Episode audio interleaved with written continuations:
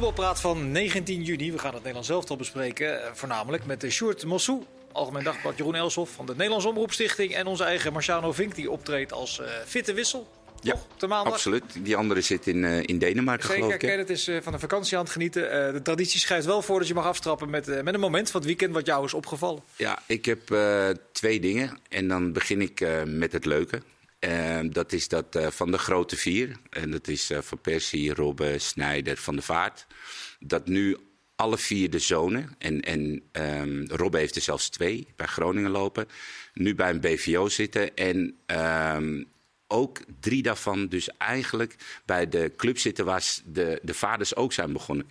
Dus dan heb je met Damian van der Vaart, het verleden van eh Rafael. Die heeft eh, nu getekend bij Ajax en die gaat volgend seizoen bij eh, Ajax beginnen. En dan heb je natuurlijk eh Robben, die heeft er twee. Volgens mij Luca en Kai. En die gaan ook vanaf volgend seizoen bij FC Groningen. Hoe kan het ook anders? En eh, nou ja, de enige dan is dan Wesley Sneijder, zijn zoon Jesse. Die, die speelt volgens mij bij FC Utrecht. Maar wie Ah, weet, die tellen we gewoon mee. En wie Shaquille weet van kan het Persie ook bij, nog. En Shaquille van. Persie bij Feyenoord. Maar Dat je- vind ik wel superleuk. Dus over een aantal jaar zou je zomaar weer een, een opstelling kunnen krijgen. Maar stip jij, stip dit nu aan als een baken van hoop na het zien van Nederlands elftal van de afgelopen eh, Nou twee ja, weet je, je moet toch ergens een hoop vandaan halen. En eh, ik, ik las dus eh, dat eh Damian, ik, had, ik heb hem zien spelen afgelopen zaterdag. En ik las ook dus dat hij na de wedstrijd eh, ehm, een gesprek had gehad. En dat vader een, een traantje had gepinkt, weggepinkt. Dus eh, wat dat betreft eh, superleuk. En ja, ik, ik hoop, en natuurlijk voor die gasten, en, en geen druk opleggen of whatever. Maar ik hoop wel, het zou wel fantastisch zijn dat als, als je over vijf jaar de opstelling van het Nederlands elftal kijkt. En je, en je, ziet, zo, en je ziet die vier namen weer Het is staan. ineens weer 2005. Dat zou wel aardig Ja, zijn, dat zou, dat zou fantastisch zijn. Ja. dus wat dat betreft superleuk. Het zou wel wat verwachtingen scheppen als je die namen ineens in een elftal bij elkaar zit. Ja, hè? Nou ja, dan denk ik toch weer terug aan die zweefduikkopbal, eh, die klets, hè? die van eh Snijder tegen Brazilië. Dus wie weet komt dat ooit terug. Maar wel superleuk dat die gasten eh, ja, bij die profclub zitten. Ja, En eh, nou, het minder leuke, dat is natuurlijk eh, ja, het Nederlands elftal. Voor mijn gevoel is het weer allemaal een beetje terug bij af. De periode voor Koeman 1, laten we het zo zeggen. Eh, zoveel onduidelijkheid. Eh, spelers die weer voor de camera komen en dan eigenlijk zeggen: Ja, ik hoop dat het wel beter gaat. Ja, we moeten dit analyseren. Ja, we moeten de video bellen. Ja, we moeten erover praten. Ja, wat je op het veld ziet is dat er totaal geen bereidheid is. Er is, ja, bij vlagen, soms zie je het. Maar er is heel weinig communicatie. En dan vraag ik me echt af of dit een generatieding is. Of dat het ook echt eh, iets is wat je deze jongens nog wel bij kan brengen. Ehm, je ziet dat er gewoon afspraken misschien niet allerlei nagekomen worden. basisdingen. Maar Jeroen, hoe heb jij daarna gekeken? Het Nederlands elftal, jullie hebben het uitgezonden natuurlijk. Ja, nou ja, ik, ik heb dan commentaar gegeven bij de eerste wedstrijd zelf tegen Kroatië. Moet ik eerlijk zeggen, dat, eh, dat is nu bijna iedereen vergeten. Omdat er daarna natuurlijk eh, de boel inzakte. Maar die eerste helft tegen de Kroaten, daar kreeg je nog best wel een gevoel bij van... hé, hey, er zit iets fris en iets fruitigs in. In de variatie die ze probeerden op aanvallend gebied. En met wat eh, ja, tactische dingetjes. Ook geen hogere wiskunde het inschuiven van Geert Truiden. Maar het gevoel wat natuurlijk overblijft was... Eh, zeker die eerste helft van gisteren. Maar wat nog het meest bij mij is blijven hangen. want Jij hebt het over de bereidheid van de spelers. Is de manier waarop de bondscoach er gisteren na afloop bij zat. Want dat heb ik toch zelden van deze bondscoach gezien. Eh, Keihard voor zichzelf, voor het elftal. ja, hij was eigenlijk heel hard voor het elftal via zichzelf. Want Ja. het, het is heel handig wat hij doet. Eh, hij zegt, ik, ik neem het mezelf kwalijk. Maar wat hij eigenlijk zegt is... eh, ja, ze hebben, ze hebben zo slecht gepresteerd... doordat ze niet zo goed hebben geluisterd... of dat de afspraken niet goed zijn doorgekomen. Het was, het was bijna een psychologische... eh, ja, interessant om te kijken naar wat hij nou precies wilde hiermee. Maar ja, ik, ik ben ook wel een, een beetje, eh, nou niet verbaasd over wat je zegt, maar ik vraag me wel of je hebt gezegd, je hebt de generatiebereidheid. Maar een, een aantal van deze jongens konden dat een paar jaar geleden wel opbrengen in die eerste Ja. periode Koeman. Dus ik weet niet of je het aan een generatie Nou kan ja, ik, wijten, ik eerlijk bedoel, het communiceren. Hè? Dus bereidheid, dat, dat, dat is eh, generatieloos. Maar het communiceren met elkaar. Dus van tevoren, kijk, je, je bent een week zitten ze bij elkaar. Ik heb gehoord dat ze één keer per dag trainen. En voor de rest van de tijd loop je misschien bij elkaar binnen.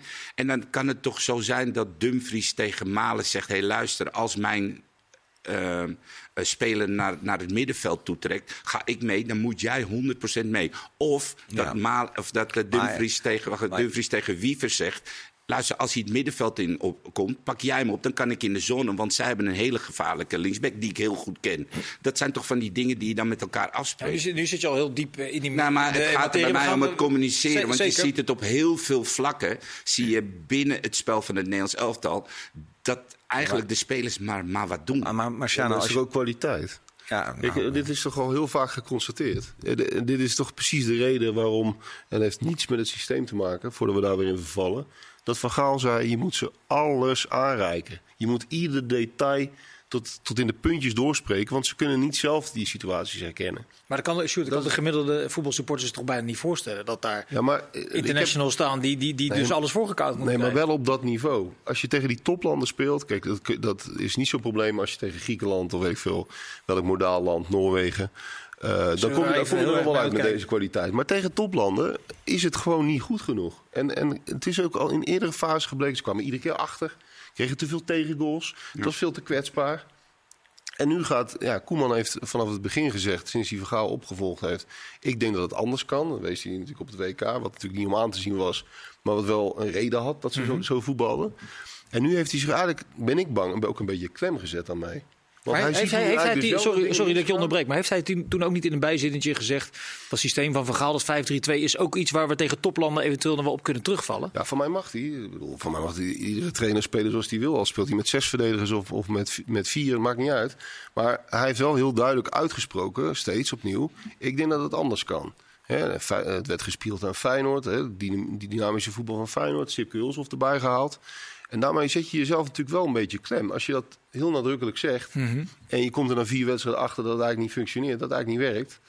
Ja, dan maakt het niet Maar makkelijk. ja, maar kijk, ja, ik heb er niet. eh, Marciano heeft er meer voor geleerd dan ik. Maar ik vind eigenlijk. eh, je hebt het over kwaliteit. Maar als jij spelers ook nog eens dingen laat doen. Waar ze misschien in de kern nog niet zo goed in zijn. Zoals Doniel Malen, die eh, tegen Kroatië. waarvan we verwachten dat hij misschien een hele wedstrijd achter Peres iets aanloopt. Of gisteren de hele tijd achter een linksback. Kijk, hij moet meer doen bij die goal. Maar als hij in Duitsland eh, top is bij Dortmund een, een half seizoen dan is een van zijn eh, voornaamste taken niet het meelopen met zijn bek. Want dat va- Nee. vangt het elftal anders op. En zo kan ik nog wel drie, vier dingen daarom- noemen waarvan ik denk, ja, je, natuurlijk eh, moet hij dat misschien doen. Maar je kan ook proberen spelers in hun kracht eh, te Ja, maar, zetten. maar door... sorry, maar uit, uit, uit de uitlatingen van Koeman na afloop bleek wel heel nadrukkelijk dat hij daar gewoon verzaakt had, toch? Ja, nee, maar hij verzaakt misschien wel. Maar je zou kunnen zeggen, oké, we hebben Doniel Malen nu als rechtsbuiten. Wat is de kracht van hem gebleken? Dat is aanvallende acties maken en op die manier scoren of voor diepgang zorgen. En wat de mindere kant is van Doniel Malen, dat is toch geen groot geheim, is het dat hij, dat hij voortdurend mee moet met zijn, Nee, met zijn man. Ja, die komt nu wel in twee wedstrijden. wel- dat vind ik wel een ongelooflijk detail, wat je nu noemt. Ja, maar dat, dat dat zijn wel het is details. niet als je dat drie of vier van dat soort details hebt, Sjoerd, dan, dan kan je niet spreken van een elftal dat in balans is, toch? Nee, maar dat, dat, ze- dat, ik Maar bevestig als jij, als jij Sipke Hulshoff erbij had en je wilt zeg maar het systeem van Feyenoord, wat heel succesvol is en eh, eh, met slot, ik zeg het er met nadruk bij, hè, die inschuivende back bij Feyenoord, in dit geval inschuivende laatste man, dan, dan is het wel zo dat als je naar de beelden van Feyenoord kijkt, dan is het wel een bepaalde dynamiek en bereidheid waardoor dit systeem kan werken. Want je ziet, je handbaks hebben we nou niet de, al die tijd eh, lovend over gesproken... omdat hij nou zo aanvallend flitsend was. Dat was omdat hij met zijn man ontzettend mee eh, kon lopen. En aan de andere kant had je Idrissi die heel veel werkt tot aan de eigen 16. Maar als jij de spelers selecteert... Wat jij terecht zegt, die daar misschien eh, in hun systeem of bij hun club niet gewend mee zijn, dan kan je bijna eh, ehm, Malen in dit geval niet alleen als schuldige aanwijzen, want dan is het ook. Nee, maar dat doet, dat Dumfries. doet ook niemand. Want Nou, elftal maar, maar, gewoon maar de bondscoach die Maar- ging, wilde niemand eh, ehm, eigenlijk eh, afzonderlijk eh, aanvallen. Maar Malen kreeg wel een beetje de verlangs dat hij twee keer zijn man liet lopen. Ja. En dat is niet altijd Malen zijn schuld, want het is ook gewoon communiceren met Maar als jij speelt met Geertruida die inschuift, dan komt Dumfries in een andere rol terecht dan waar hij eh, goed in is. Namelijk Ja, het exact. opkomen. Wat ik me ook afvraag, want volgens mij was het de bedoeling dat de licht zou gaan spelen. Tenminste, die indruk hadden we toch allemaal tot die uit, eh, uitviel. Eh, Wat had je dan met de licht eh, gedaan? Want dat is geen inschuivende centrale verdediger. Dus eh, een paar dagen voor die wedstrijd komt Geertruida daar te staan en ga je dit doen. Dus ik vind het allemaal prima. Eh, maar ik ben wel benieuwd hoe dat er Maar dan het is op straks... zich niet zo gek toch dat een trainer de, de, spelers gebruikt in, in, hun kracht. Dat is op zich niet zo gek toch? Ja, Nee, maar, maar da- dan- daardoor bij een aantal ook niet, denk Maar ik dan kan, je, dan kan je dus afvragen, als je zo wil spelen zoals eh Marciano zegt op de Feyenoord manier. dan heb je daar de spelers eigenlijk wel voor. En nog los van het feit dat je als bondscoach bij Feyenoord trainen ze iedere dag. Hè? En scouten ze die spelers precies op die manier. Klopt, en ze is opgebouwd met Ja, en, die, training. en die zijn er bij Oranje op dit niveau niet. En doordat je elke dag met elkaar traint en waarschijnlijk Slotter echt bovenop zit. En ook langs het veld er bovenop zit. Dan heb je de, de communicatie die er is. Dat loopt dan misschien via de trainer een aantal weken. Maar op een gegeven moment gaan de spelers dat automatisch eh, eh, naar handelen. En op het moment dat je ze anderhalve week bij elkaar hebt. en je wilt dit systeem spelen. waarbij niet de back inschuift zoals bij Feyenoord. maar de centrale verdediger. Ja, dan moet je aan Dumfries en aan Malen heel, een aantal dingen heel erg duidelijk maken. En als dat niet gebeurt, dan kan je tegen toplanden. Ja, dan ga je voor gaas. Maar, maar dan, nou dan, dan, kom je toch, dan kom je toch terug op het punt wat, wat Sjoerd ook aansnijdt. Dat is toch kwaliteit ook om bepaalde situaties in de wedstrijd te herkennen, toch? Dat, is kun je het. er niet bij een trainer neerleggen eh, dat, dat, dat, dat, dat ze tactisch verkeerd zijn geïnstrueerd of wat dan ook. Nee, maar het, Je moet toch ook, je moet toch ook van, van pros wel kunnen verwachten dat ze zaken zelf En dan kom ik weer terug bij wat ik zeg. Hoe communiceren zij met elkaar? Communiceren ze wel? Want Van Basten zei het niet voor niets. Hè? Je kan wel communiceren, maar zeg je ook daadwerkelijk wat? En daar gaat het om. Ja, daar gaat het om. Je kan wel roepen, maar als jij als verdediger, desnoods aanvaller, ziet dat er een gevaar over onze rechterkant en hun linkerkant eh, ontstaat, dan kan je toch roepen en dan kan je toch zeggen tegen van luister, ik wil niet dat jij weggaat, blijf gewoon in, in je zone. Aan de andere kant hebben we een WK gezien met een bondscoach die voortdurend eigenlijk op zijn stoel zat. Weinig aan coaching deed tijdens de wedstrijden. Met een eh, systeem, toch ook niet het, eh, het makkelijkste systeem. En het Nee. bracht misschien niet het mooiste voetbal. Maar waarin er ook werd verwacht dat ze in wedstrijden goed met elkaar communiceerden. Omdat om de ze, het van afstanden voor omdat ze het van tevoren tot in een treur hadden doorgesproken. ja, je weet toch dat is toch dat is toch het minste wat je mag vragen vooraf. Dat hadden we toch nu ook gewoon. eh, Ja, maar aan dat dat ik- nu ook gebeurd is. Maar ik denk dat Koeman eh, in die zin ook geschrokken is van het, het gebrek aan, noemen ze dan, corrigerend vermogen in dat elftal. En misschien zijn eigen overtuigingskracht. Dat hij het niet dus op een bepaalde Nou ja, manier heeft kunnen... in ieder geval dat deze generatie. Kun je nog herinneren? Volgens mij spelers- wij hebben hier ook een keer in min of meer dezelfde samenstelling gezeten. Dat, dat na een bepaalde persconferentie van Van Gaal. dat hij ongeveer de volledige vaderlandse pers ervan overtuigd had. dat Nederland zelf de wereldkampioen ging worden. Mhm. Een paar dagen daarna werd er een poll georganiseerd, volgens mij door jouw krant. 60% dacht Nederland zelf wordt wereldkampioen. Ik denk als je nu een poll houdt, haalt het Nederland zelf überhaupt het EK. Dat je dan met eenzelfde soort percentage. Dat is wel heel snel gegaan. Dat wilde ik eigenlijk mee zeggen. In, Ja, eh, kijk, 7, 8 Het maanden. was ook naïef te denken dat met dit materiaal dat je wereldkampioen zou worden. Nou, ja, het halve land was ervan overtuigd. Ja, maar wat Van Gaal in ieder geval probeerde, en, het, en het, de uitvoering was verschrikkelijk, daar was iedereen het ook wel over eens. Maar die probeerde in ieder geval om een serieuze kans te maken. Dat als je ver in een toernooi zou komen en je zou tegen de toplanden komen, dat je in ieder geval een manier had om, om, om je daartegen te wapenen. Nou ja, en dat, dat is wel gebleken nu in deze vier wedstrijden, dat dat ook heel hard nodig was. Maar ik ben wel benieuwd, want ik, ik weet niet hoe jullie eh, naar dat interview hebben gekeken na afloop aan die tafel. Maar ik heb hem toch zelden zo gezien. Ja, hij was... De eh, persconferentie ook. Ja, Maar ik dacht heel even dat het een kant op ging dat hij zou zeggen... eh, ik stop ermee. Ja. ja. Ja, nou, dat, en ik dacht misschien niet nu, maar misschien wel de komende weken. Want toen hoorde ik hem uiteindelijk serieus ingaan op de, op de, de dingen die hij zou moeten gaan besluiten met de, met de nieuwe wedstrijden die komen. Wat trouwens cruciale wedstrijden worden nu. ja. Ehm, Maar wat is nou het belangrijkste huiswerk dan voor, voor de zomer, voor, voor coach en spelersgroep? Nou, ik denk dat je heel goed moet gaan kijken ehm, naar eh, de, de spelers die je hebt, kwaliteit, eh, welke de spelers nog kunnen leveren. Want niet elke speler met een grote naam levert wat hij zou moeten leveren. En, en dan kunnen we allemaal de namen gewoon wel invullen. En je moet gewoon gaan kijken. ehm, hoe kom ik deze pool, want Griekenland uit, Ierland uit, dat is voor dit Nederlands elftal nog niet een 1, 2, 3 eh, overwinning. Dus hoe kan ik het resultaat halen zodat wij in ieder geval eh, achter Frankrijk waarschijnlijk eh, die tweede plek. En dat gaat dus niet op deze manier waarbij spelers elkaar, het lijkt wel alsof ze elkaar niet eens kennen of niet doorhebben. Dus er zal iets van. eh, Maar helpt een discussie over het systeem dan? Of waar, nou, waar misschien wel. En, en dan mag gewoon eh, misschien iets loslaten van wat een ijdele hoop was van Koeman 1 eh, in die periode. Misschien moet je naar wat meer nuance. Is de jong naast Wiever wel zo'n fantastisch middenveld met daarvoor een jongen die misschien aan het einde van zijn Latijn is? Zijn dat wel complementaire spelers of zijn het te veel gelijkende spelers die een bal liever breed en Frenkie doet dat iets frivoler en iets mooier dan een Wiever?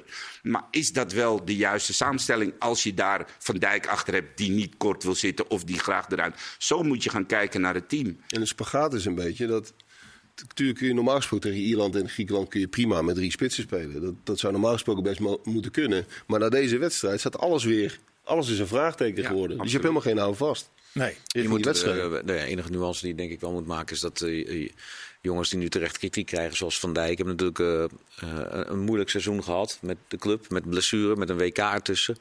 Ja, het is natuurlijk ook zo dat die wel heel anders uit een voorbereiding kunnen komen. Als ze daar fit uitkomen en Zeker. de eerste twee, drie weken bij een club goed, goed draaien. Dan, en datzelfde geldt voor Frenkie, die nu op merkwaardige wijze toch eigenlijk onderpresteerde. Ja, dan, dan zijn dat wel bepalende spelers waarvan je zegt, ja, als zij een normaal niveau kunnen halen in de eerste weken van een nieuw seizoen, ja, dan is het toch. Dan ga je dat toch niet eh, doorselecteren op die posities. Ik hoor ook mensen zeggen, ja, je moet harde, harde Nee. beslissingen maken op die posities. Maar dat lijkt me nou toch Nee, maar je moet gewoon gaan kijken. Waarom hebben wij eeuwig een discussie gehad in Nederland eh, of de Roon op het middenveld moet staan? Dat is niet voor niets. Het is niet omdat de Roon nou buitenkant voetballetjes achter de, achter de verdediging legt. Het is omdat hij een balafpakker is. Omdat hij de eerste linie is voordat eh, de tegenstander echt fout. Ik zeg niet dat de Roon erin moet. Maar mij gaat het erom. Je moet wel spelers naast elkaar bij elkaar zetten die complementair aan elkaar zijn. Van Dijk heeft misschien wel een Matip, Gomez, Fabinho no- nodig naast zich. De licht. Een de licht. Maar dan moet je je afvragen: is het systeem met de licht op het middenveld doorschuiven wat we willen? Dus zo moet je gaan lopen kijken deze twee maanden welke kant het Nederlands elftal Ja. op moet gaan. Want dit is ergens iets vandaan pakken, iets erbij gooien en hopen dat het werkt. Als dit al een aantal keer gebeurt tegen toplanden, kan dan ook niet de conclusie zijn. Dat is een conclusie die misschien niet iedereen leuk vindt. Sterker nog, dat vindt geen enkele eh, supporter van Nederland zelf leuk. Dat het ook een kwaliteitsprobleem is. Dat het te veel middelmaat is in een selectie. eh, Waardoor je in welk systeem je ook hanteert misschien toch niet kan opboksen tegen eh, Frankrijk, Kroatië en Italië was is een gisteren. Dat was Italië 2, Marciano. Ja, maar Italië, wat ik net zeg, Italië was gisteren, heel gechargeerd gezegd, het middelmaat van Italië. Maar dat zie je toch ook in dat daarin de linies en dat men de bereidheid en dat misschien eh, Ferrati op het middenveld naast een andere speler heel goed bij elkaar past. En dan hoeft die andere speler niet een, een, een uitmuntende eh, speler te zijn. En die kan misschien wel bij Cremonese spelen. Ik zeg maar, maar je moet wel kijken wat past er bij elkaar. En niet alleen maar de namen. Dat is bij de Italianen natuurlijk zo. Ze zetten er zeven nieuwe namen in. Maar het spel dat ze spelen en het trucje dat ze uithalen. Dat is iets wat we al jaren geleden met Spinazzola in de, in de arena hebben gezien. ja. Eh, dus dat, Dat, dat kon is. niet de- als een verrassing komen. Nee, dus je, hebt, dus je vervangt poppetjes voor poppetjes. Maar wat je ziet herken je wel heel erg goed. Dus daar is een zekere mate van duidelijkheid in geslopen in de laatste jaren. Die je in ieder geval in deze nieuwe periode Koeman eh, nog niet ziet. Het grote gevaar is dat het zo'n tijdperk wordt als eh Hiddink eh, blind. Dat was ook zo'n tussenperiode. Er werd er van alles uitgeprobeerd, steeds gewisseld. Je hebt ook een zekere mate van vastigheid nodig. En dat is het frustrerende aan deze periode. Dat je eigenlijk niks hebt Ja. waarmee je verder kan. Nee, Bijna maar niet. hij heeft Koeman misschien te- makkelijk gedacht. Ik draai de klok, eh, is het vier, vijf jaar eh, terug. En eh, de- dan, Nou ja. pak ik, dan pak ik weer op waar, ik- waar ik toen geweest ben. ik denk met spelers gezegd- die in een andere fase van hun loopbaan is. Ik denk eerlijk gezegd van wel. Dat hebben we tegen Frankrijk toch ook gezien. Toen viel hij heel nadrukkelijk terug op, op eigenlijk die gedachte. Mhm. Totaal weggespeeld. Volledig. En weet ik wel, de- een paar jongens waren ziek. Maar dat uitgangspunt, dat werkte niet meer. Dat is de reden dat hij nu weer is gewisseld. Ja. En nu ziet hij dat dit materiaal ook allemaal best wel kwetsbaar is. En ja, dat, dat- ja, dat zeg je. Want is hij...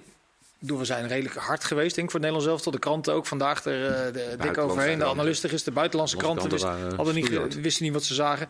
Maar spits is er niet. Tenminste, niet een echte eh, nummer 10. In, de middenlinie zat er iemand compleet doorheen. Dat zag je in alles. Frenkie de Jong. Een aanvoerder, centraal buiten- achterin, die worstelt met zijn vorm al heel lang. En een keeper die bij lange na niet de vorm heeft. Die bij zijn club wel iedere keer etaleert. Het is ook niet, het is niet een eenvoudige klus. Die, eh, nee, maar dat was toch op het WK was dat, was dat niet anders. Hè? Toen had Van Dijk er ook een hele slechte periode op zitten. Eh Frenkie de Jong had allemaal problemen. er Memphis was niet er fit. heel veel beter. Nee, het ging niet heel veel beter. Maar Maar, dat is precies de. maar daarom, was het, daarom is, was dit waarschijnlijk ook. Je had die penalties kunnen winnen. Maar daarom was dit waarschijnlijk ook het maximaal haalbare op dat WK. Ja. En dat wilden mensen maar niet inzien, omdat het voetbal niet leuk was. Maar dat was gewoon zoals het, zoals het was. Ja. Ja, en Oh. in- in die periode Koeman 1 had je misschien wel spelers die iets meer complementair op elkaar waren. Je had een Depay die eh, eh, veel goals maakte in het Nederlands elftal. En toch waren er ook wedstrijden dat hij eh, Van Dijk naar voren gooide... en dat je het in de dying seconds nog veel. een- veel. Het, was veel een, het, was een, wedstrijden. het was een reparatiebedrijf. Alleen het spel oogde daar wel ietsjes beter. En dan speelde je tegen Duitsland. En dan weet je, tegen Duitsland kan je twee goals eh, tegenkrijgen. De manier waarop Allah, maar je kan twee goals tegen krijgen. En dan ha- hadden ze toch nog het vermogen om die wedstrijd naar een verlenging of i- zelfs te winnen. Alleen nu zie ik gewoon spelers rondlopen. En ik begrijp echt wel, het is een derde, vierde plaats. En je kan aan de voorkant als coach kan je echt heel veel roepen en willen. En Ja. op het bord allerlei dingen uittekenen. Die spelers moeten het doen. Maar goed, je zag tweede helft Kroatië. één omzetting van Kroatië. En, en Nederland liep achter de feiten aan. En het, het, het, het was bijna kinderlijk eenvoudig Nou, hoe er gedekt werd. Over die En- wedstrijd van, van wat je zei, eh, derde, vierde plaats, motiveren, bereidheid, et cetera. Kijk, dat Fran- Frenkie de Jong na, eh, ik geloof 81 wedstrijden een keer verzucht van, nou, daar heb ik niet zo heel veel zin in. Maar dat Noah Lang dat voor een camera ook doet, een wedstrijd van niks. Dat is, toch, dat is toch heel gek, dat de speler in zijn positie, met zijn eh, staat van dienst, of het gebrek daaraan eigenlijk, zich zo laatdunkend uitlaat over een interland van Nederland zelf. Dan, dan is dat toch wel... Hij speelt in Ja, ieder geval, dat hij speelt in ieder geval geen toneel. Maar Noah Nee, Lang, dat- Dat, dat moet je dan nog wel weer nageven. maar Noah Lang eh, mo- moeten we misschien niet, niet als analyticus eh, heel groot maken. Eh, Dat, is, is ook- dat bedoel ik niet. Nee, maar zijn onbevangenheid als voetballer en als, als mens, dat hij zomaar wat roept, is ook weer zijn kracht. Ja, Hij roept natuurlijk maar wat in zo'n context. ja. En hij staat er denk ik niet zo bij stil. Maar ze moeten er wel, ik- waar je- dat gevoel kunnen we ons allemaal voorstellen, dat je er niet zoveel zin in hebt. Maar je ziet wat er nu gebeurt nu je hem verliest. En dat besef moet er misschien ook enigszins eh, zijn. En ik kan me niet voorstellen dat het niet is geweest. Nee, dat, dat je nog, weten. dat je nog meer stront over je heen krijgt als het dus zo loopt. Omdat je, omdat je er misschien... Jeroen, eh, ja. eh, hoe, hoe kan het dan dat zeg maar, in de eerste helft hè, eh, het allemaal lamlendig oogde, eh, ge- geen, geen onderling, onderlinge feeling met elkaar. En dan gaan ze één tegen één spelen. Dan moet Ja. jij dus met vermoeide benen al van een eerste helft achter de bal aan rennen. Dan moet je eigenlijk, hè, dan gooit hij drie spelers erbij. En dan moet iedereen, en dan zie je Virgil van Dijk wel 20 meter Nou ja. doordekken. En dan zie je die wel door. Waarom? Het is, het is, het is, ten eerste is de, is de, is de opdracht duidelijker. Gewoon eh, Alles of eh, niet. eh, alles of niets en één op één lopen. Ja. Maar het is wel iets wat je... Het is ook een repeterend geheel. Want we zien het al vanaf periode 1, Koeman, dat dit gebeurt. Het zijn telkens slow starters in Nou, we wedstrijden. gaan proberen om wat oplossingen aan te dragen zometeen in deel 2. Zoomen we wat eh, meer in op de problemen eh, van het Oranje en behandelen we wat actuele zaken. Dus heel graag tot zo.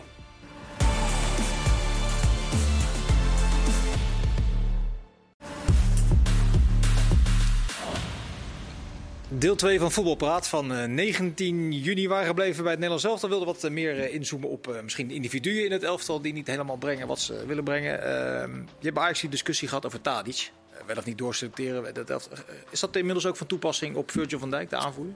Ehm, lijkt me nog een beetje een vroege conclusie. Hij is eh, pas 30, heeft natuurlijk wel een zware knieblessure gehad. En Jeroen zei het voor, volgens mij in de eerste helft ook al. Ehm, geef hem nou even een, een volledige voorbereiding en kijk dan of hij zijn, eh, zijn niveau weer haalt. De afgelopen twee maanden bij Liverpool waren wat dat betreft iets bemoedigender dan de fase daarvoor. Want toen was hij echt heel wisselvallig. En nu bij het Nederlands elftal was het weer zwak. Ja, dat heeft iedereen gezien. Ja. Ehm, alleen ja, je moet je denk ik afvragen, wat zijn de alternatieven? Kijk, je kunt met de licht ernaast spelen, maar ik bedoel ook met alternatieven qua leeftijd, qua routine. Hij is natuurlijk wel een van de dragende spelers van het elftal, linksom of rechtsom.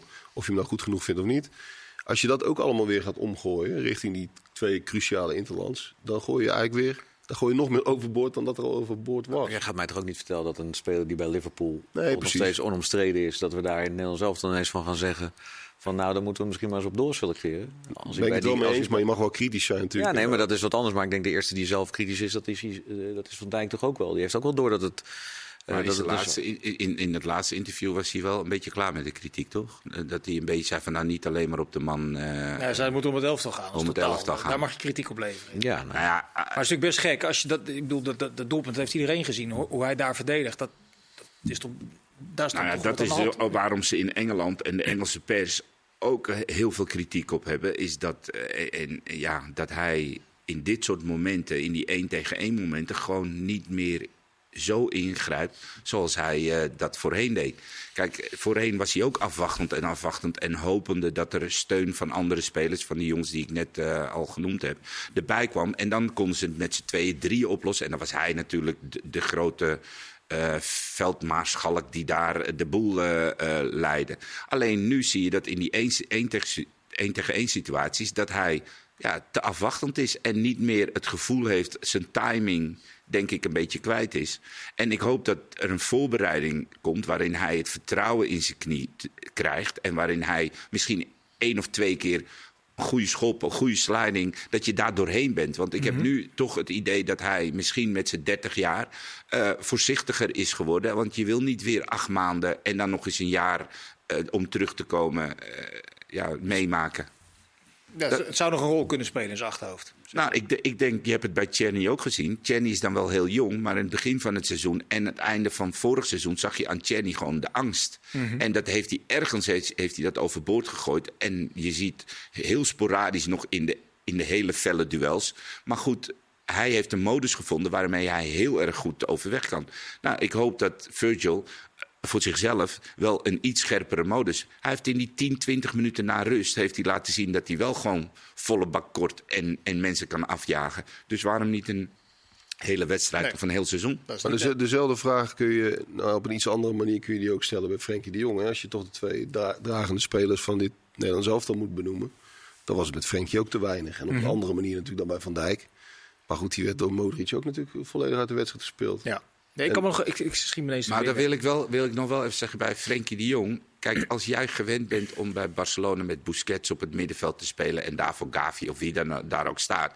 dan heb je een aanspeelpunt en een aanspeelpunt en je voetbalt. Maar als in dit systeem ook nog eens Geertruida te pas en te onpas al op het middenveld gaat staan... en Wiever staat daar ook nog... en jij moet daar eigenlijk jouw spel zien te vinden... dat is wel heel lastig. Dus Maar ik was weet het niet meer een geval, Michel, of, eh, Marciano, van volledig leeg zijn? Dat, dat is het Nou ja, gevoel en- en- wat mij bekroop toen ik hem zag Ik voetballen. ga, ik ga niemand ook hier een hand boven het hoofd. Het was gewoon niet voldoende. Maar ik wil wel aangeven dat er ook wel dingen zijn die hij misschien niet zal uiten. Of zal, eh, voor de camera zal zeggen.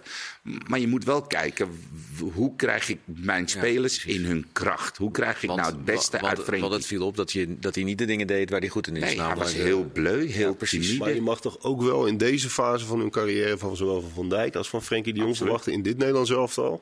Dat ze de boel nadrukkelijk naar, de- naar, hun, naar hun hand zetten. In plaats van afhankelijk te zijn van andere spelers. Ja, dat zijn twee hoofdpijndossiers, hoewel het ene misschien wat een ander, eh, andere gradatie van hoofdpijn eh, is. Eh, nummer 10 positie, spits, we- dat is ook niet 1, 2, 3 opgelost, eh, toch? Nee, dat is eigenlijk een oude discussie. Als je het met het WK vecht, het was het probleem er ook al. Vleugelspelers, rechtsbuitenpositie is, is ook al heel lang een probleem. Ja. Ja. met terugwerkende kracht is natuurlijk wel.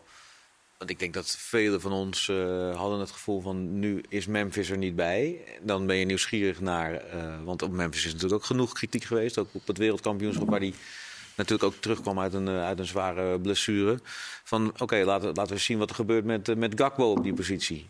Ja, je moet nu toch eigenlijk toch con- concluderen dat, dat Memphis, zij het fit, want je weet niet, je- ga er maar vanuit dat hij dat weer wordt, toch wel gemist wordt als rustpunt in dat elftal. eh, Aan de ene kant wel, aan de andere kant vond ik het wel een verademing dat er gewoon diepte in het spel was. Met, met Gakpo tegen Kroatië, eerste helft. Ja, maar die kan je ook, zijn- dat kan je ook nog, altijd, kan dat op de zijkanten natuurlijk eh, Dat- ook gebeuren. Absoluut, Ik maar je hebt wel met eh, Memphis in de periode dat hij fit was en dat hij speelde, dat hij overal en nergens liep, maar ook heel veel in de bal speelde, waardoor het spel best wel heel van Nederland best wel heel klein eh, werd en dat hij dan op plekken ballen verloor. De goals staat buiten kijf en, en zijn belangrijkheid staat buiten kijf. Maar er waren ook momenten dat je denkt van... nou zou ik wel iemand er overheen willen zien denderen. Ja. Nou, dan hadden we eh, een paar buitenspelers die dat sporadisch... ja, op het wereldkampioenschap heb je eh, Gakpo natuurlijk vanaf die teampositie zien komen. En dat, zou- dat Wat is nou eigenlijk zijn beste positie in het Nederlands elftal? Voor Gakpo. Ja, Ja, hij ligt toch ook een beetje aan, aan de rest weer. Ik vond hem, hij was natuurlijk eigenlijk op het WK in een rol als een soort tweede tweede spits. spits. Was hij eigenlijk het beste. Alleen ja, dat, dat systeem spelen we niet meer en dat begrijp ik ook wel. Maar het is, het is wat dat betreft niet zo makkelijk. Maar dat heeft er ook weer met, toch ook weer met de, met de kwaliteit op de vleugels te maken. En wie staat, er Ja. in de, wie staat er in de spits? En nou ja, Nou, het wordt een verhaal van hoop eigenlijk als ik het, Nee, het het wordt gewoon echt een verhaal van kijken wie. Wat wat ik al zei in die verdediging, wie- hoe complementair kijkt. Maar, maar dat is precies. natuurlijk voor de voorroede Het gaat, exact hetzelfde. gaat aan die linkerkant toch ook. Want als je een back hebt zoals AK die nou niet heel erg veel opkomt... dan heb je toch een buitenspeler nodig die misschien wat meer bij de zijlijn blijft, eh, blijft plakken. En terwijl de, de meeste van de jongens, eh, Lang, eh, zeker Simons... die willen toch ook allemaal het avontuur aan de binnenkant gaan opzoeken. Ja. En wat is er eigenlijk nog mis mee? Maar dat weet jij misschien beter, Marciano. Waarom zou jij met een rechtsbuiten spelen als je hem eigenlijk niet hebt? Je kunt toch ook met een valse rechtsbuiten spelen? Je kunt toch met een soort... met- Pong bedoel je, die niet goed genoeg Nee, was in dat het verdedigen. Dat is een vleugelbeen, toch? Ja, maar Nee, die wordt gezien als een soort valse rechtsbuiten. Ja, maar, inmiddels. maar ik bedoel eigenlijk meer een type als Wijnaldum in zijn goede tijd. Iets Ja. hangend op rechts. Zodat de Dumfries de hele tijd overheen kan. Dan speel je op papier nog steeds 4-3-3. Ja. Dan laat je die ene meer als een middenvelder spelen. Nou, dat, toch? is, dat is het meest, eigenlijk het meest logische. Als je Dumfries daar hebt die eigenlijk het liefst wil denderen en de achterlijn wil halen. Ja. En, en nou ja, of de voorzetten aankomen of niet. Dat is het tweede. Maar je hebt daar wel iemand nodig die ehm, ietsjes behoudender en ietsjes verdedigender wil denken. Een middenvelder. Nou, dan kan je daar op die positie makkelijk een middenvelder.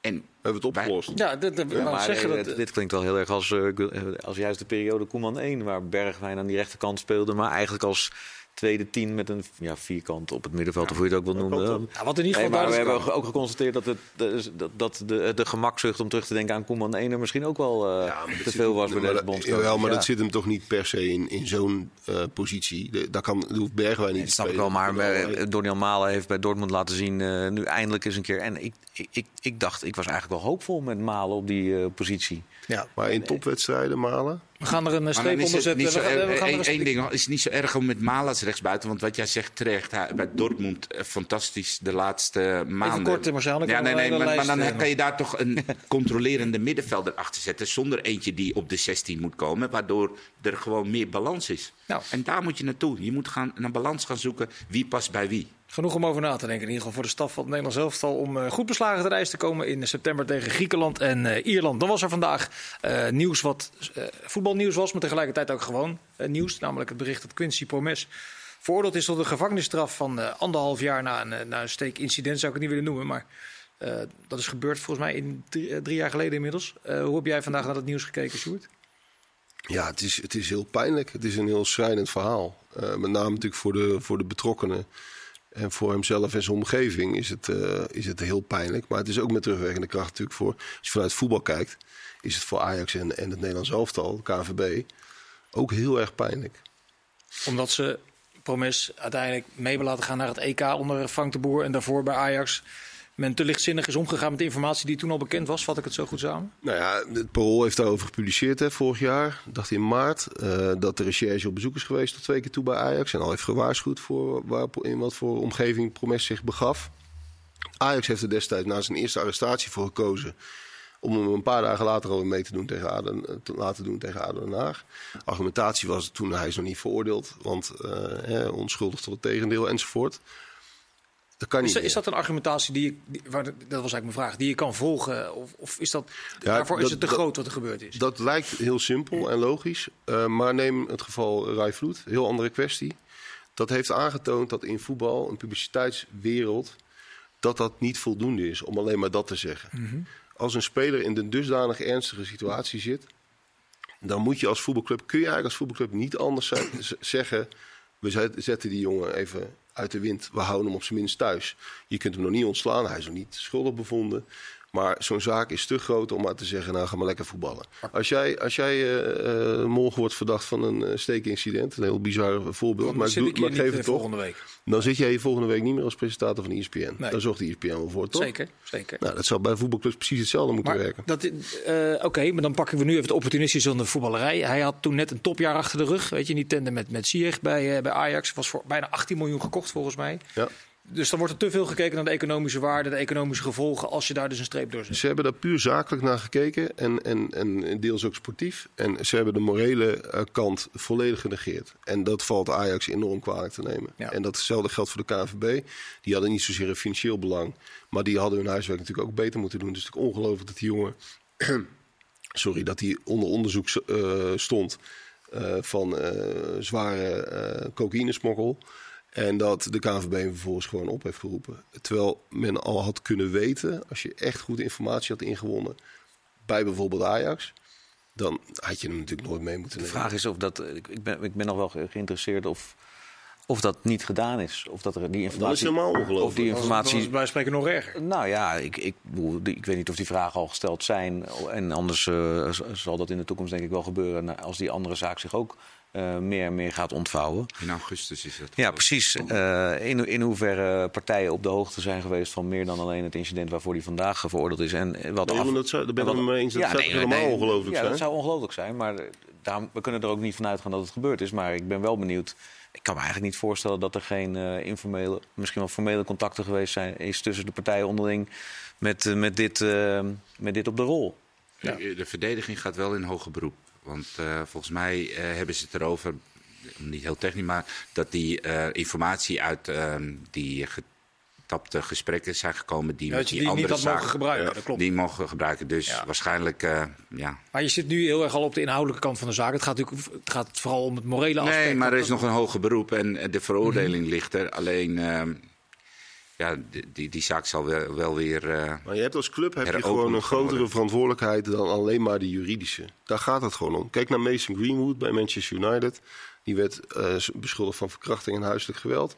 United heeft meteen gezegd, jij blijft thuis. Niet meer het shirt aan.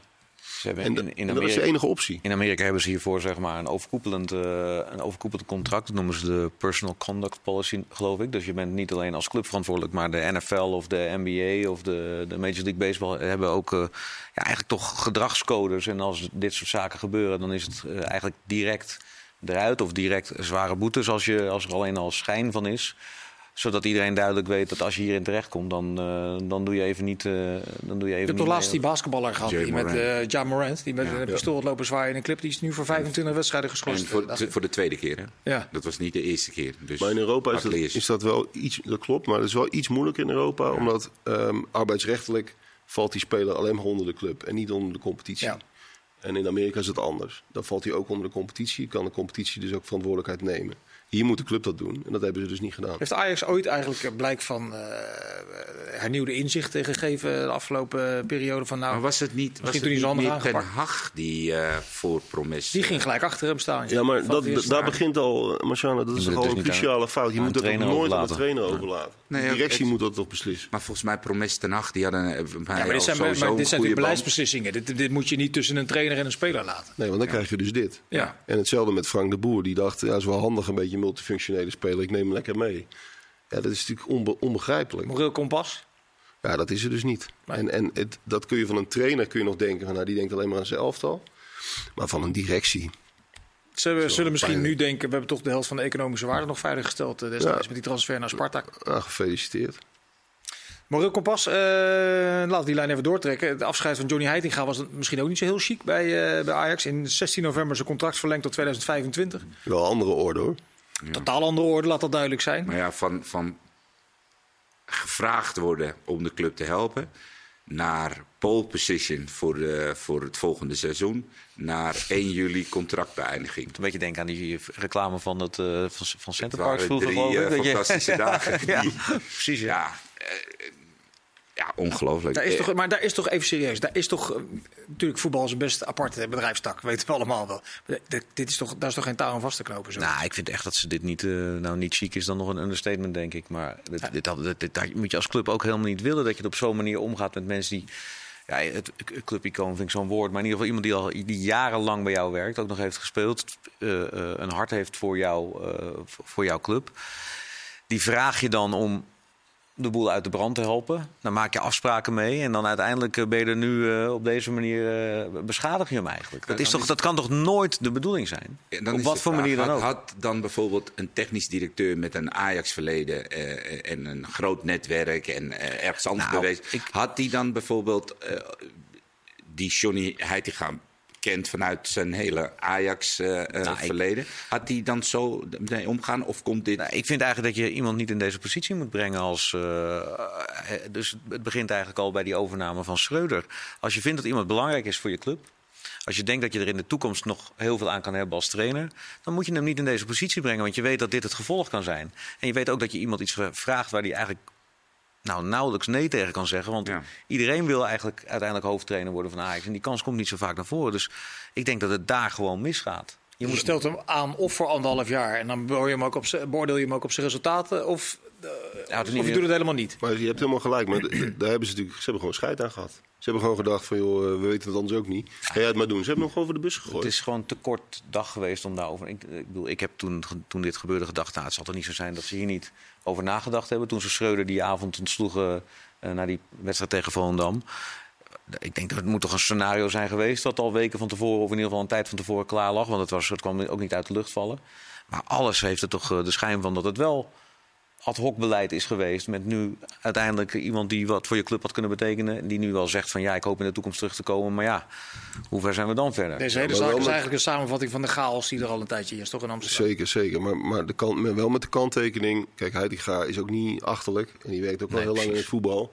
Als je deze baan pakt, dan weet je ook wel een beetje wat de risico's zijn. Zo Nee, dat snap ik ook wel. Daarom denk ik eigenlijk dat je, ja, dat is ook een beginnend ambitieus trainer. We kennen al die verhalen. Ze zijn allemaal gretig, ze zijn allemaal jong. Ze denken allemaal dat ze, eh, dat ze, dat ze het aan je- kunnen. Maar je Had moet je dan niet aan de voorkant moeten, ehm, zeg maar, be- beter op orde moeten hebben? Dat, je had hem kunnen beschermen door middel van duidelijk naar buiten toe te uiten van... hé hey, luister, hij gaat het een half jaar doen. Ehm, na een half jaar eh, kijken we eh, verder. Maar mocht het zo zijn dat er in de tussentijd een trainer die ons enorm bevalt of whatever... dan hebben we die of die rol of die of die functie. Nu komt er een technisch directeur die zegt eigenlijk... een trainer die hoofdtrainer is geweest, kan nooit assistent. Welke andere positie heb je dan binnen de club voor een ambitieuze beginnende trainer? Nul. Nul. Die heb je niet. Die is er niet meer, Jong, want. Jong was ook al bezet. eh, Dus er is. Dus je weet toch, dus als je hem aanstelt, dat je hem kwijt bent op het moment dat het eh, zo loopt zoals Maar nu. helemaal aan het begin van het verhaal, dat werkt toch eigenlijk ook niet? Ja, Stelt iemand aan en je zegt, ja, misschien Ja, komt er toch maar nog nu, iemand voorbij die wij nu dan is toch... hij drie maanden is hij blijven zwemmen met het idee Nou, drie, vanaf, za- vanaf Ja, zijn aanstelling eigenlijk. Eh, Ja, weet je, er kwam nooit duidelijkheid. We hebben de pole position gehoord. We hebben gehoord van, eh, nou, ik eh, heb mooie gesprekken gehad. Ik heb bij die en die komende transfer bijgezeten. Heb ik ook gesprekken gehad. Dat wij allemaal dachten, oh, nou, volgend jaar zit hij er nog. Want als jij bij bepaalde inkomende transfers nog betrokken wordt... dan lijkt het me heel gek dat je dan ontslagen gaat worden. Maar goed, hij is toen op een gegeven moment ontslagen. En, en nu heb je een speler, een trainer... Ik zeg speler nog, gewoon een trainer thuis zitten die... En nu? Ja. Ik wil nog even snel een rondje doen. We hebben nog een kleine eh, drie minuten. Er gaan wel heel veel spelers eh, richting eh Saoedi-Arabië. Betekent dat dat wij de rechten moeten kopen? Of is er eh, iets aan de hand als jongens als Bernardo Silva, 28, Hakim Ziyech wordt genoemd. 30, dacht ik, of 31. Colo Kanté. Wat zeg je? K- Kanté. Kanté. Dat die voor astronomische eh, die kant eh, op gaan. Dat is, dan is toch best Nou, wel de, zorgwekkend. de enige hoop is dat het in China ook is gebeurd. Min of meer vergelijkbaar. Dat Ook, was heel snel afgelopen. en dat was heel snel afgelopen. En daaruit bleek ook wel dat als je het op die manier doet, dat het eigenlijk niet werkt. Omdat die- het werkt alleen als je het van onderaf eh, helemaal opbouwt, maar dat kost tientallen jaren natuurlijk. Dus ik, eh, ik ben nog redelijk sceptisch. Maar Maar is niet, die- niet over de ik macht van Midden-Oosten Is die geldstroom eh, niet onuitputtelijk? Dat zij dat is dit gewoon heel lang, Nee. langer dan Ja, Chinezen eh, misschien. Ik denk dat Sjoerd bedoelt het model dat je één hele goede speler in elftal zet en tien hele slechte. En vervolgens dat bij iedere club doet dat dat niet houdbaar is. Nee, maar nu willen ze zelfs Ziyech bij Ronaldo. Dan krijg je al twee, Dan drie, twee. vier goede. Vandaag, nou ja, eh, vandaag las ik Bruno Fernandes volgens mij ook nog. eh, Ja. net. Kijk, het, het, het wordt natuurlijk. Ik moet er niet aan denken, maar het wordt natuurlijk pas echt eh, eh, maf als er een aantal van eh, 6, 27 jaar eh, zoveel geld eh, zien rollen dat ze denken: dit kunnen we niet laten lopen. en dan gaan er een paar en dan gaan er een heleboel. En zich ook niet de vraag stellen waar Maar, het maar komt. Pelle en, Nee, eh, nee, precies. Pelle Dat en Goedel- Goudelje en zo gingen ook allemaal vrij jong. Hè? Ja, maar dat is toch nog van een ander niveau dan eh, Bruno Fernandes of eh Oh, Hakim nee, want Ziyech, ook eh, van België. Hoe heet die? eh, ja, eh, eh, Die die is alweer teruggegaan naar eh, Witsel. Witsel, Witsel, ja. Maar dat was dan eigenlijk, dat waren er één of twee. Dat zeg ik, als je nu, eh, nu een hele rits krijgt. En ze, ze gaan dit toch wel even volhouden, denk ik. Alles met het oog op dat WK in 2030. Nou, dat is nog een jaar of zeven weg. Lukaku zijn ze nu toch ook al mee bezig. En Ja. die, eh, Nou, die maar er heeft zullen een de komende weken nog heel veel namen voorbij komen. Ja, ik wil nog daarom. één dingetje met jullie bespreken. Eh, Henk de Jong wil weer aan de slag. Dat is natuurlijk een redelijk positief bericht om mee te eindigen. Eén probleem, hij heeft nog een jaarcontract bij eh Cambuur. Maar dat, hetzelfde geldt voor George Ulte. Hoe gaan ze dat daar oplossen? Of is, moeten we ons vooral vastklampen aan het idee dat Henk de Jong gewoon weer terug is en eh naar Nou, ik- gaat en wil? Ik mag toch aannemen, dat, kijk, stel dat Denk de Jong een aanbieding zou krijgen van een andere club in deze situatie. Dat met alles wat hij voor Cambuur heeft betekend, dat de Cambuur daar wel in meedenkt. Ja, tuurlijk. dat lijkt me wel eh, helder.